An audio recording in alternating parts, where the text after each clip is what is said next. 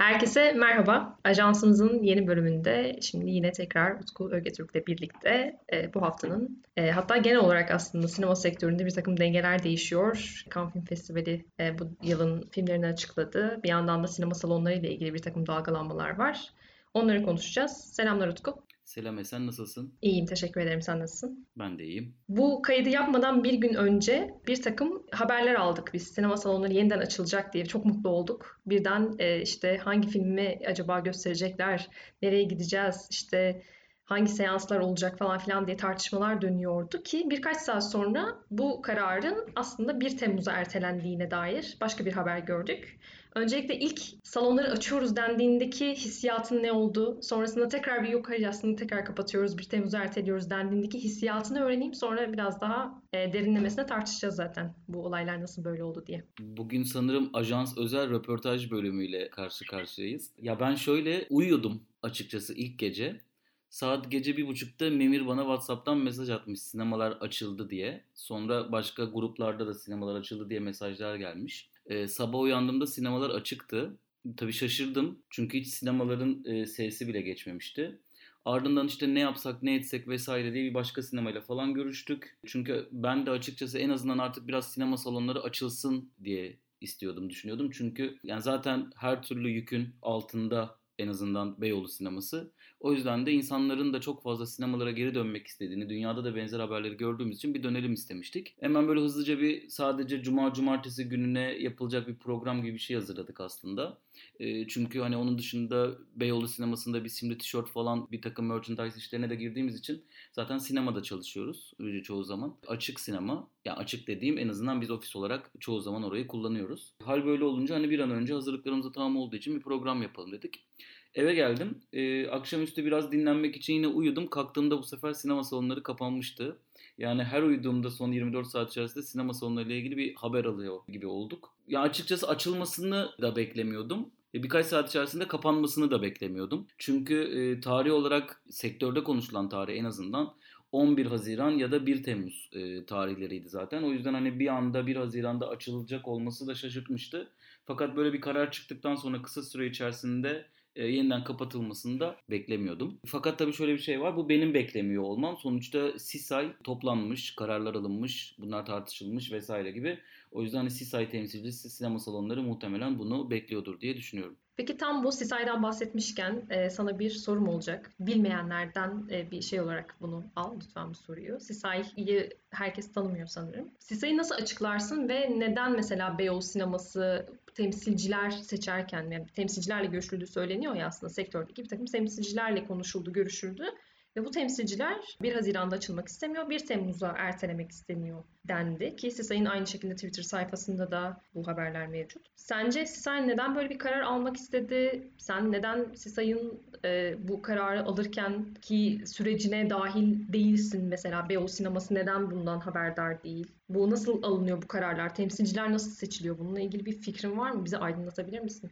Çok uzunca bir süre yoktu benim de e, Sisay'dan haberim. Yani üstelik bir sinema yazarı olmama rağmen yoktu. Bu benim cehaletim de olabilir bu arada. E, bu konuyla ilgili iddialı konuşmalarda bulunmayacağım. Beyoğlu sinemasının e, Sisay üyesi olup olmadığını dahi bilmiyorum. Bugün hala bilmiyorum. Açık konuşmak gerekiyor.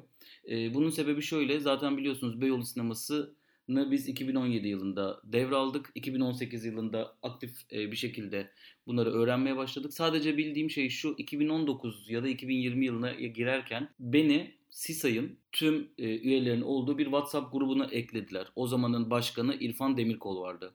Aynı zamanda İrfan Demirkol da biliyorsunuz ki Beyoğlu Sineması'nın eski ortaklarından bir tanesi. Ankara'nın en e, büyük bağımsız sinema salonunda e, kendisi sahibi. O beni WhatsApp grubuna ekledi ve ben o zamana kadar hiç Beyoğlu Sineması SİSAY'ın üyesi mi değil mi diye de açıkçası konuşmadım. Konuşma gereği de duymadım. Neden? Çünkü Beyoğlu Sineması zaten 30 yıllık bir sinema salonu. Ee, böyle bir sinema salonu yatırımcıları derneği varsa ve ben bildiğimde en azından İrfan Demirkol'un başkanıysa ve sonuçta İrfan Demirkol da buranın eski ortağıysa Beyoğlu Sineması da buranın bir üyesidir diye düşünüyordum açıkçası. Hiç aksi bir şey de düşünmedim. Sonrasında o gruptan ayrıldım ve o grupta olmadığımız için diye düşünüyordum aslında hani bundan haberdar olmadım. Fakat sonra Sisay'ın Twitter sayfasında gördüğüm kadarıyla Beyoğlu Sineması zaten Sisay'ın üyesi değilmiş. Şimdi sanki ben böyle Beyoğlu sinemasının bir e, ortaklığım yokmuş da öylesine havaya konuşuyormuşum gibi geliyor. Ama gerçekten bu konuyla hiç ilgilenmediğim için SİSA ile ilgili ciddi bir yaptırma ve yani dediğim gibi bir şey oluyordu mesela. Zaten İrfan Demirkol SİSA'nın başkanıydı. Ben İrfan Demirkol'u arıyordum ve diyordum ki işte İrfan abi bu durumlarla ilgili ne yapıyoruz? İşte e, diyordu ki böyle bir karar alacağız. Böyle bir karar işleyeceğiz. Sen ne düşünüyorsun? Diyorum ki benim için uygundur ya da acaba İrfan abi şöyle mi yapsak? Sen ne zaman açacaksın diye. Zaten konuşuyordum. Bu yüzden de açıkçası ben direkt olarak hani sanki buranın bir üyesiymişçesine konuşuyordum. SİSA'yın kendilerine dahil olan salonlarla bir imza anlaşması yapıyor mu, yapmıyor mu bunu da bilmiyorum. Ee, yani birçok şeyi bilmiyorum ve gerçekten aslında bununla çok da fazla da ilgilenmiyorum. Bugün şunu düşünüyorum. Benim e, SİSAY üyesi olmamam bu zamana kadar bana bir şey kaybettiriyor muydu? SİSAY sinema salonlarına bir şey kazandırdı mı? Bence bu açılıp kapanma mevzusunda kazandırdı. Çünkü belki biraz sonra soracaktın. Şimdiden geleyim ben oraya. Neden sinema salonları tekrardan kapatıldı? Çünkü SİSA'ya üye olan sinema salonlarının birçoğu AVM sinema salonu ve AVM sinema salonlarında da kira vermemek için biliyorsunuz ki bu tarz olaylarda mücbir sebep sayılıyor onlar ve bu kadar zamandır kira vermiyorlar. Bizim gibi AVM içerisinde olmayan salonlar için böyle bir durum yok. Hatta bir de şöyle bir durum var. Kendi AVM'lerinin sinema salonları var. Onlar da mesela sinema salonlarının açılmasını istiyor. Çünkü onlar da boş yere sinemalarını yatırıyorlar. E, sinema salonları kendilerinin. Kendi mülkleri olanlar var. Kadıköy sineması gibi. E, ve bizim gibi kirada olanlar var AVM dışında. Bunlar sinema salonlarının aslında açılmasını istemişler o gün o toplantıda. Ama tabii baskın e, çoğunluk e, Türkiye'de AVM salonlarında kiracı sinema salonları. Onlar da en azından hazırlanmak, Haziran ayında e, herhangi önemli bir filmin olmadığını düşünmeleri ve tabii ki de işte e, Fast and Furious'un galiba son filmi gelecekmiş. E, bu sebeple de o filmle birlikte açmak için Haziran ayında da kira vermemeyi, personel çalıştırmamayı tercih etmişler. Bana göre verdikleri bu karar doğru. Yani ben dışarıdan bakacak olursam sinema salonları eğer ki açılsaydı bu ay çok ciddi bir seyirci beklenmeyecekti doğal olarak. Ee, ve bir ay daha fazla kira vereceklerdi. Ama bu o salonlar için geçerli bir durum. Benim için geçerli bir durum değil. Ee, Twitter'da SİSA'ya yöneltilen bazı soruları gördüm. Ya madem o zaman siz açmasaydınız diye. İşte burada bence problem var. Ee, buradaki problem ne? Bizim gibi zaten kira veren ya da kendi mülkü olup sürekli olarak zarar eden e, sinema salonları kendi inisiyatifiyle şu an sinema salonunu açamıyor. Böylelikle ne oluyor? Biz giderlerimizi vermeye devam ediyoruz. Yani veremiyoruz. Vermeye devam ediyoruz. Biraz yanlış bir cümle olacak. Biz giderlerimizi veremiyoruz. Borçlanıyoruz. Üstelik biz sinema salonumuzu açmak istiyoruz. E, ama AVM'deki salonlar kira vermesin diye e, onlarla birlikte biz de açılamıyoruz. Durum bu. Senin için şu anda tabii daha iyi mi olurdu eğer 1 Haziran'da açılmak yoksa 1 Temmuz'a ertelenmesi Beyoğlu sineması gibi daha bağımsız salonları nasıl etkiledi sence? Yani açılsa en azından biraz daha böyle seyirci çekebilir miydiniz salona? Bir gösterimler olur muydu? Biraz en azından kâra geçebilir miydi? Böyle bir şey mümkün müydü yani 1 Temmuz'a kadar? Yani Beyoğlu sinemasının seyircisi özlemiş gibi duruyor sinema salonlarını. Yani öyle bir gerçek var artık insanlar sinema salonuna gitmek istiyor, film izlemek istiyor. Bundan belki birkaç ay önce böyle bir durum yoktu. Ama isteniyor. E, bir yandan da şöyle bir durum var. Yani Türkiye'de yaşıyoruz. Aşılama hala %14, %15'lere anca geldi. E, yani bu işin sağlık boyutunu düşünecek olursak e, Avrupa'daki ya da dünyadaki kısmen daha iyi olan ülkelerdeki gibi rahat bir ortamda değiliz. O yüzden burada bencil bir yerden de sinema salonları açılmalıydı gibi bir şey savunamıyorum. Ama sonuçta şöyle bir şey var. Her yer açık. Sadece kültür sanat endüstrisinin bazı paydaşları kapalı ve gece kulüpleri, barlar kapalı. E hal böyle olunca insan biraz üzülüyor açıkçası. Yani madem herkes açık, madem bu ülkede her şeyi yapabiliyoruz, e, o zaman bunları niye yapamıyoruz diye düşünüyoruz. Böyle olunca da ben üzülüyorum ne yalan söyleyeyim. İnsanlar sinema salonuna gelecekmiş gibi duruyor. E, biz de elimizden geleni yapacaktık tabii ki orada yeniden e, bu virüsün bulaşmaması için. Böyle yani çok da fazla bir şey de diyemiyorum açıkçası ama şunu gördüm yani sosyal medyada cidden insanların sinema salonuna bir şekilde geleceğini özellikle hani bilmiyorum AVM salonuna giden genel izleyici bu kadar sinema salonu hasreti çekiyor mu? Ama sinefil kitle, gerçekten sinema aşığı kitle sinema salonlarını epey özlemiş. Ben de özledim mesela, ne yalan söyleyeyim. Evet, bence de öyle bir ayrım olacaktı ve senin az önce verdiğin o ayrım aslında işte ana akım filmleri gösterebilecek salonlarla alternatif mecra olarak neredeyse görecek olan bağımsız e, salonlar biraz daha farklı kitleye hitap ettikleri için aslında oradaki şey de farklı olacaktı sanki. Ya bu bir ay e, bağımsız salonlar için sanki e, gerçekten izleyici çekebilecekleri bir dönem olabilirdi e, denebiliyor ama dediğin gibi senin de özetlediğin gibi sanki biraz e, sesi daha gür çıkan ve daha böyle zincir sinemalara da şey olan bir kitle tarafından bir temsilciler seçilmiş ve o temsilciler aslında bu talebi istemişler, talep etmişler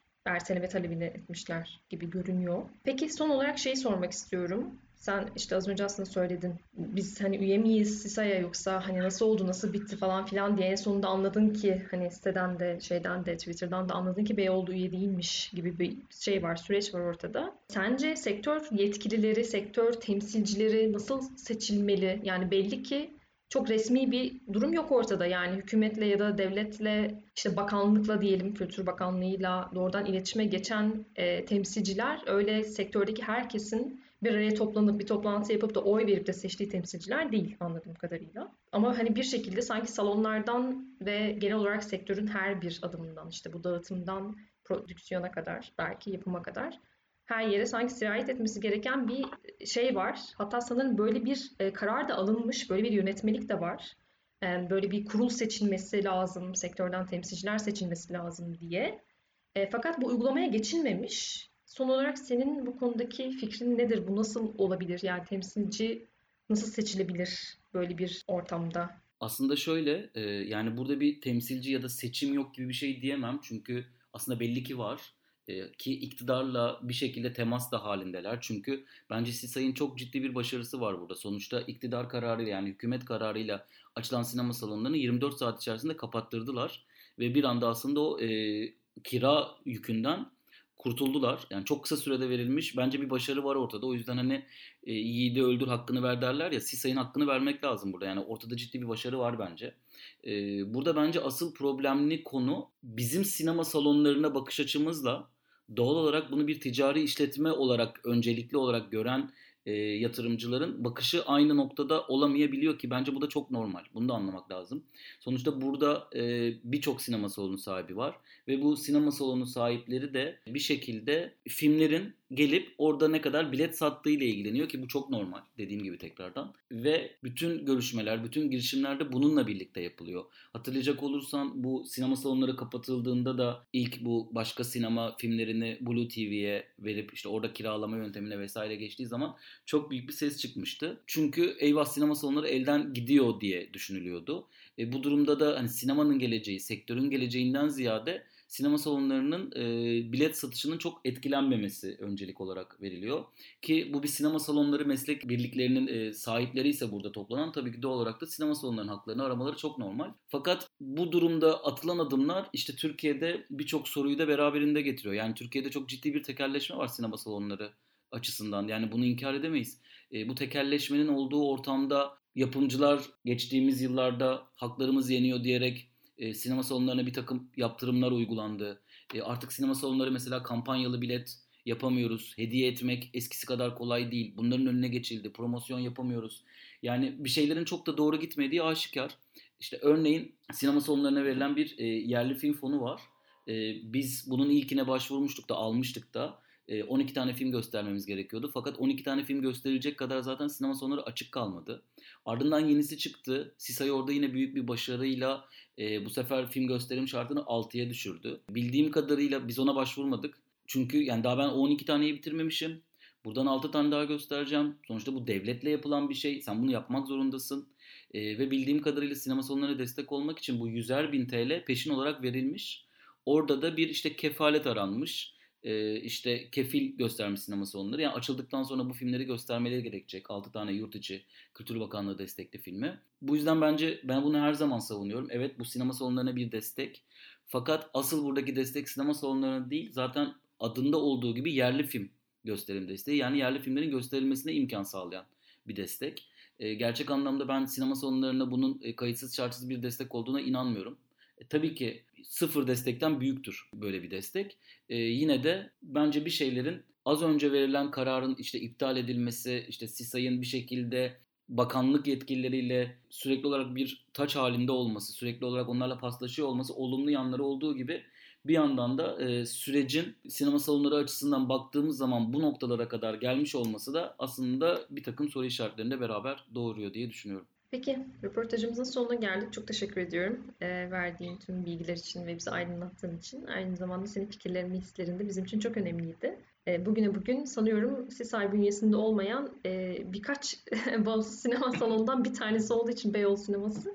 E, bunları ayrıca duymak lazım ve hani dediğimiz gibi bir temsilciye bile en azından e, ulaşamadım maalesef. Yani en azından e, biz böyle bir şey bekleriz ya da böyle bir şey isteriz, böyle bir şey talep ederiz diyemeyen e, birkaç sinema salonunun sesi oldu Utku Ögetürk ajansımızın bu bölümünde. Çok küçük bir şey ekleyeceğim sen bu noktada izin verirsen. Kadıköy sinemasının e, ben bir açıklamasını ve sinemasının müdürünün açıklamalarını gördüm. Mesela Kadıköy Sineması dernek üyesi yani SİSA üyesi. İlginç şekilde şimdi deniyor ki mesela bunu bu sorunun cevabını ben de merak ediyorum. O gün bir toplantı yapılmış apar topar ve o toplantı sonucunda da bakanlığa başvuru yapılmış ve sinema salonları tekrar kapatılmış.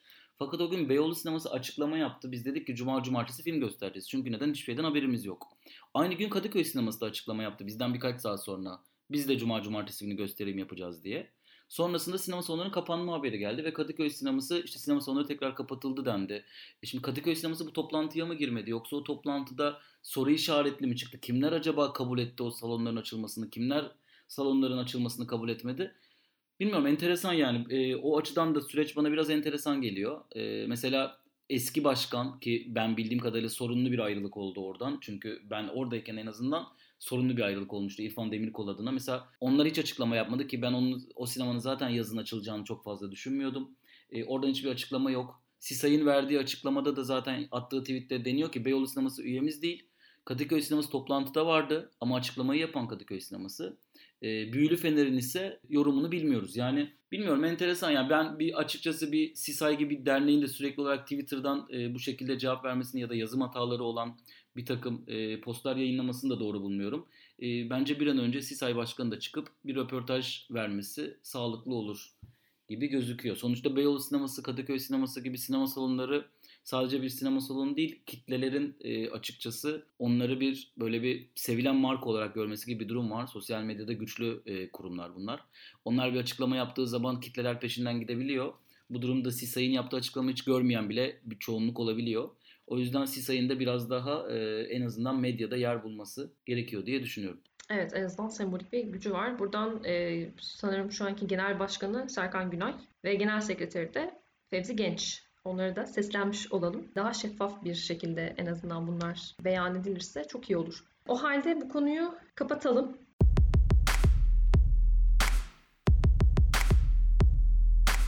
Gezegenimizin en acil krizleri arasında küresel iklim değişikliği ve doğal kaynakların sürdürülemez tüketimi yer alıyor. Bir doğal afet filminin içinde gibiyiz ve hemen harekete geçmezsek çok geç olacak. Peki ne giydiğini seçerek bir şeyleri değiştirebilir misin? Canlı türlerini ve onların yaşam alanlarını korumayı hedefleyen WWF'in lisanslı ürünlerini satan WWF Market, üretimin her aşamasında doğadan ve insandan taraf olmayı önceliği kabul ediyor. Tüketicileri de alışveriş yaparken gereksiz tüketimden kaçınmaya, çevre dostu tercihler yapmaya çağırıyor. Açıklamadaki linke tıklayarak tüm ürünlerini keşfedebilir, üretim süreçleri hakkında bilgi edinebilirsin.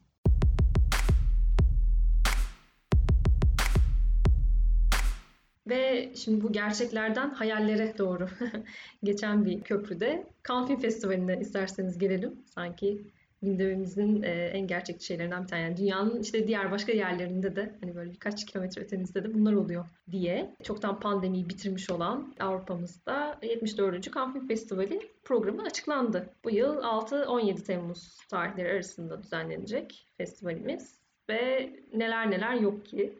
E, tabii işte bu arada bu da filmler açıklanmadan önce bir takım haberler çıkmıştı işte korona için Covid-19 işte tarama merkezi falan bulunacak, böyle inanılmaz önlemler alınacak, işte herkes aşılı gelecek falan filan diye e, bir takım haberlerle gündeme gelmişti. Ama işte onun ötesinde Spike Lee'nin işte jüri başkanlığını yapacağı yarışma var ve sanıyorum bu sene benim çok sevdiğim Jodie Foster da onur ödülü alacakmış. Cannes Film Festivali'ne gidecek misin bu yıl? Mesela öyle bir şeyin gündeminde mi? Onu sorayım önce. E, gidemeyeceğiz çünkü aşılı ülkelerden değiliz. Dediğimiz gibi tekrar hayallere devam ediyoruz. E, biz burada oturduğumuz yerden ne kadar güzel filmler izliyorlardır herhalde diyerek şey yapacağız. E, listeyi gördün. Neler düşünüyorsun? Bir önce fikirlerini alayım. Senin beklediğin filmler nelerdi? Neler heyecanlandırıyor? Yani filmlerden ziyade şöyle bir durum var sanırım. Cannes Film Festivali çok dik durdu hep. Özellikle festival başkanı Thierry sürekli olarak şeyi söyledi. Yani biz kan olarak işte salonlardan çıkmayacağız, hep salonlarda olacağız diye ve o yüzden de hani başka festivallerde bir takım gösterimlerde bulundular ama e, hani Cannes Film Festivali bütün bu süreç boyunca dimdik duran bir e, festival oldu. Hani ne kadar haklı ne kadar haksızı tartışılır bu dikliğin orası ayrı konu. Başka bir tartışma konusu ama her zaman bunu savundular ve e, bugün şimdi baktığımız halde Mayıs'ta değil bu sene Temmuz'da yapıyorlar ve e, inanılmaz bir e, programla sinema salonlarına dönüş şu müjdeliyorlar. Yani şöyle baktığımız zaman hep şeyi konuşuyorduk ya ne olacak, nasıl film çıkacak işte ne olacak bu festivallerin hali falan derken e, birçok yönetmen zaten e, kanı beklemeye devam etmiş. İşte Wes Anderson gibi. Onun dışında birçok yönetmen burayı arzulamış, buraya göre e, yetişmiş. Leo Carax burada açıyor. François Ozon'un filmi burada, Aşkar Farade'nin filmi burada, Trier'in filmi burada, Mia Hansen-Löw'ün filmi burada, Verhoeven'in filmi burada. Bir de şöyle bir durum var yani bu yönetmenler zaten sinema severlerin, sinefillerin e, çok uzun zamandır beklediği yönetmenler ve filmler. Kan zaten birçok e, senesinde bu kadar güçlü, bu kadar yıldızlarla dolu seçkiler e, yapıyordu ama bu sene bu kadar güçlü bir seçkinin gelmesi bence başka bir şeyi de e, anlatıyor bize. Evet arkadaşlar artık dönüyoruz. Ve e, her sene şunu söylenirdi. Aslında e, festival takvimi Şubat'ta Berlin'de başlar ama bir şeyler aslında kanla her yerde kanla çıkılır diye Mayıs ayında. Bu sene sinema mevsimi bizim için Temmuz'da başladı. En son biliyorsun pandemiden önce e, Berlin Film Festivali gerçekleşmiş ve e, sonra festivallere bir ara verilmişti. E, Cannes Film Festivali düzenlenememişti. Sanki Berlin'den hiçbir şey olmamışçasına o arada geçen bir buçuk sene, iki sene geçmemişçesine şimdi Cannes'dan kaldığımız yerden devam ediyoruz gibi bir e, durum oluştu. E, bayağı güçlü program. Mesela Julia Ducournau'nun çok merak ettiğim Titan'ı ana yarışmada. Kendisinin ikinci uzun metrajı. Yarışma dışında Todd Haynes'ın The Velvet Underground'ı vesaire gösterilecek. Zaten yarışma başlı başına bir show. Yani şimdi buradan bir yandan kontrol ediyorum. Sırasıyla okumaya başladığımda dahi Faradi, Ozon, Moretti, Ducournau, Wes Anderson, Schenbecker, e, Serebrennikov, Trier, e, Lapid, Hamaguchi, Verhoeven, Champagne, Leo Carax. herkes burada. E, muhteşem bir dönem olacak. Umuyorum ki pandemi konusunda da zaten hani söylediler aşılılar sadece e, gidebiliyor bildiğim kadarıyla. Zaten e, birçok ülke aşı konusunda epey ilerlemiş durumda. Bayağı güzel dolu dolu bir festival olacak gibi duruyor. Biz de buradan bu sene en azından imrenerek e, takip ediyor olacağız diye düşünüyorum. Evet. Biraz öyle olacak. Ama şey bile en azından sevindirici yani. Artık kandan sonra bir şekilde bizim de izleyebileceğimiz bir e, şeye de düşer bu filmler diye düşünüyoruz işte. İstanbul Film Festivali'ne gelir, oraya gelir, buraya gelir falan diyerek mutlu olabileceğimiz bir şey var, seçki var. Gerçekten az önce söylediğim gibi show yapılmış yani. Başka bir formatta şu anda e, tüm seçki. Senin var mı peki böyle çok uzun zamandır bekliyordum ve artık işte burada yarışmaya katıldığını da görünce çok mutlu oldum ve artık hani film en azından ortaya çıktı dediğin bir şey var mı? Yani az önce de söylediğim gibi Docorno'nun ikinci filmini çok merak ediyordum. Rov'dan sonra ikinci filmde ne yapacağını. Bir yandan şeyi de merak ediyorum. Benedetta'yı da merak ediyorum açıkçası. Verhoeven'ın nasıl bir film çektiğini. Diğer taraftan zaten Carax'ın Aneti için aylardır heyecandan ölüyoruz. Bunu her yerde söylüyoruz. Wes Anderson'ın The French Dispatch'i burayı bekledi. Çok uzun zamandır hazır diye biliyorum. Hazır olmasına rağmen e, bir türlü gösterilemiyordu. Daha önceden filmlerin hep Berlin'de açmasına alışıktık Wes Anderson'ın ama kanı bekledi. Hep zaten kanda gösterilecekti. Bu zamana kadar da buraya kadar geldi. Bunlar biraz böyle benim için öne çıkıyor diyebilirim ama dediğim gibi program gerçekten çok güçlü ve hani mesela Farhadi'nin filmini merak etmiyorum vesaire diyemezsin tabii ki. Fakat sanırım hani kare asım bu dörde olabilir merak ettiklerim açısından. Şu anda gidebilsen mesela herhalde bütün şeye bilet alırsın. Yani kanda sıra problemi bazen insanın canını sıkar. Ee, ve hani tamam ya şu filmden de feragat edeyim. iki saat bunu bekleyeceğime gideyim yemek yiyeyim dersin. E, hatta çoğu filme bazen şey bulamazsın. Mesela Lighthouse'a iki kere sıraya girmeme rağmen ikisinde de girememiştim. Bu sene de öyle bir sene yani diyemeyeceksin gibi gözüküyor. Ben gideyim de bir yemek yiyeyim. E, sırada beklemeye devam gibi gözüküyor. Peki o zaman sanki bugünlük bu kadar. Bir program daha sonuna geldik. Evet bir program daha sonuna geldik. Umuyoruz keyifle dinlemişsinizdir. Bir sonraki ajansta yeniden görüşmek üzere. Kendinize iyi bakın. Hoşçakalın.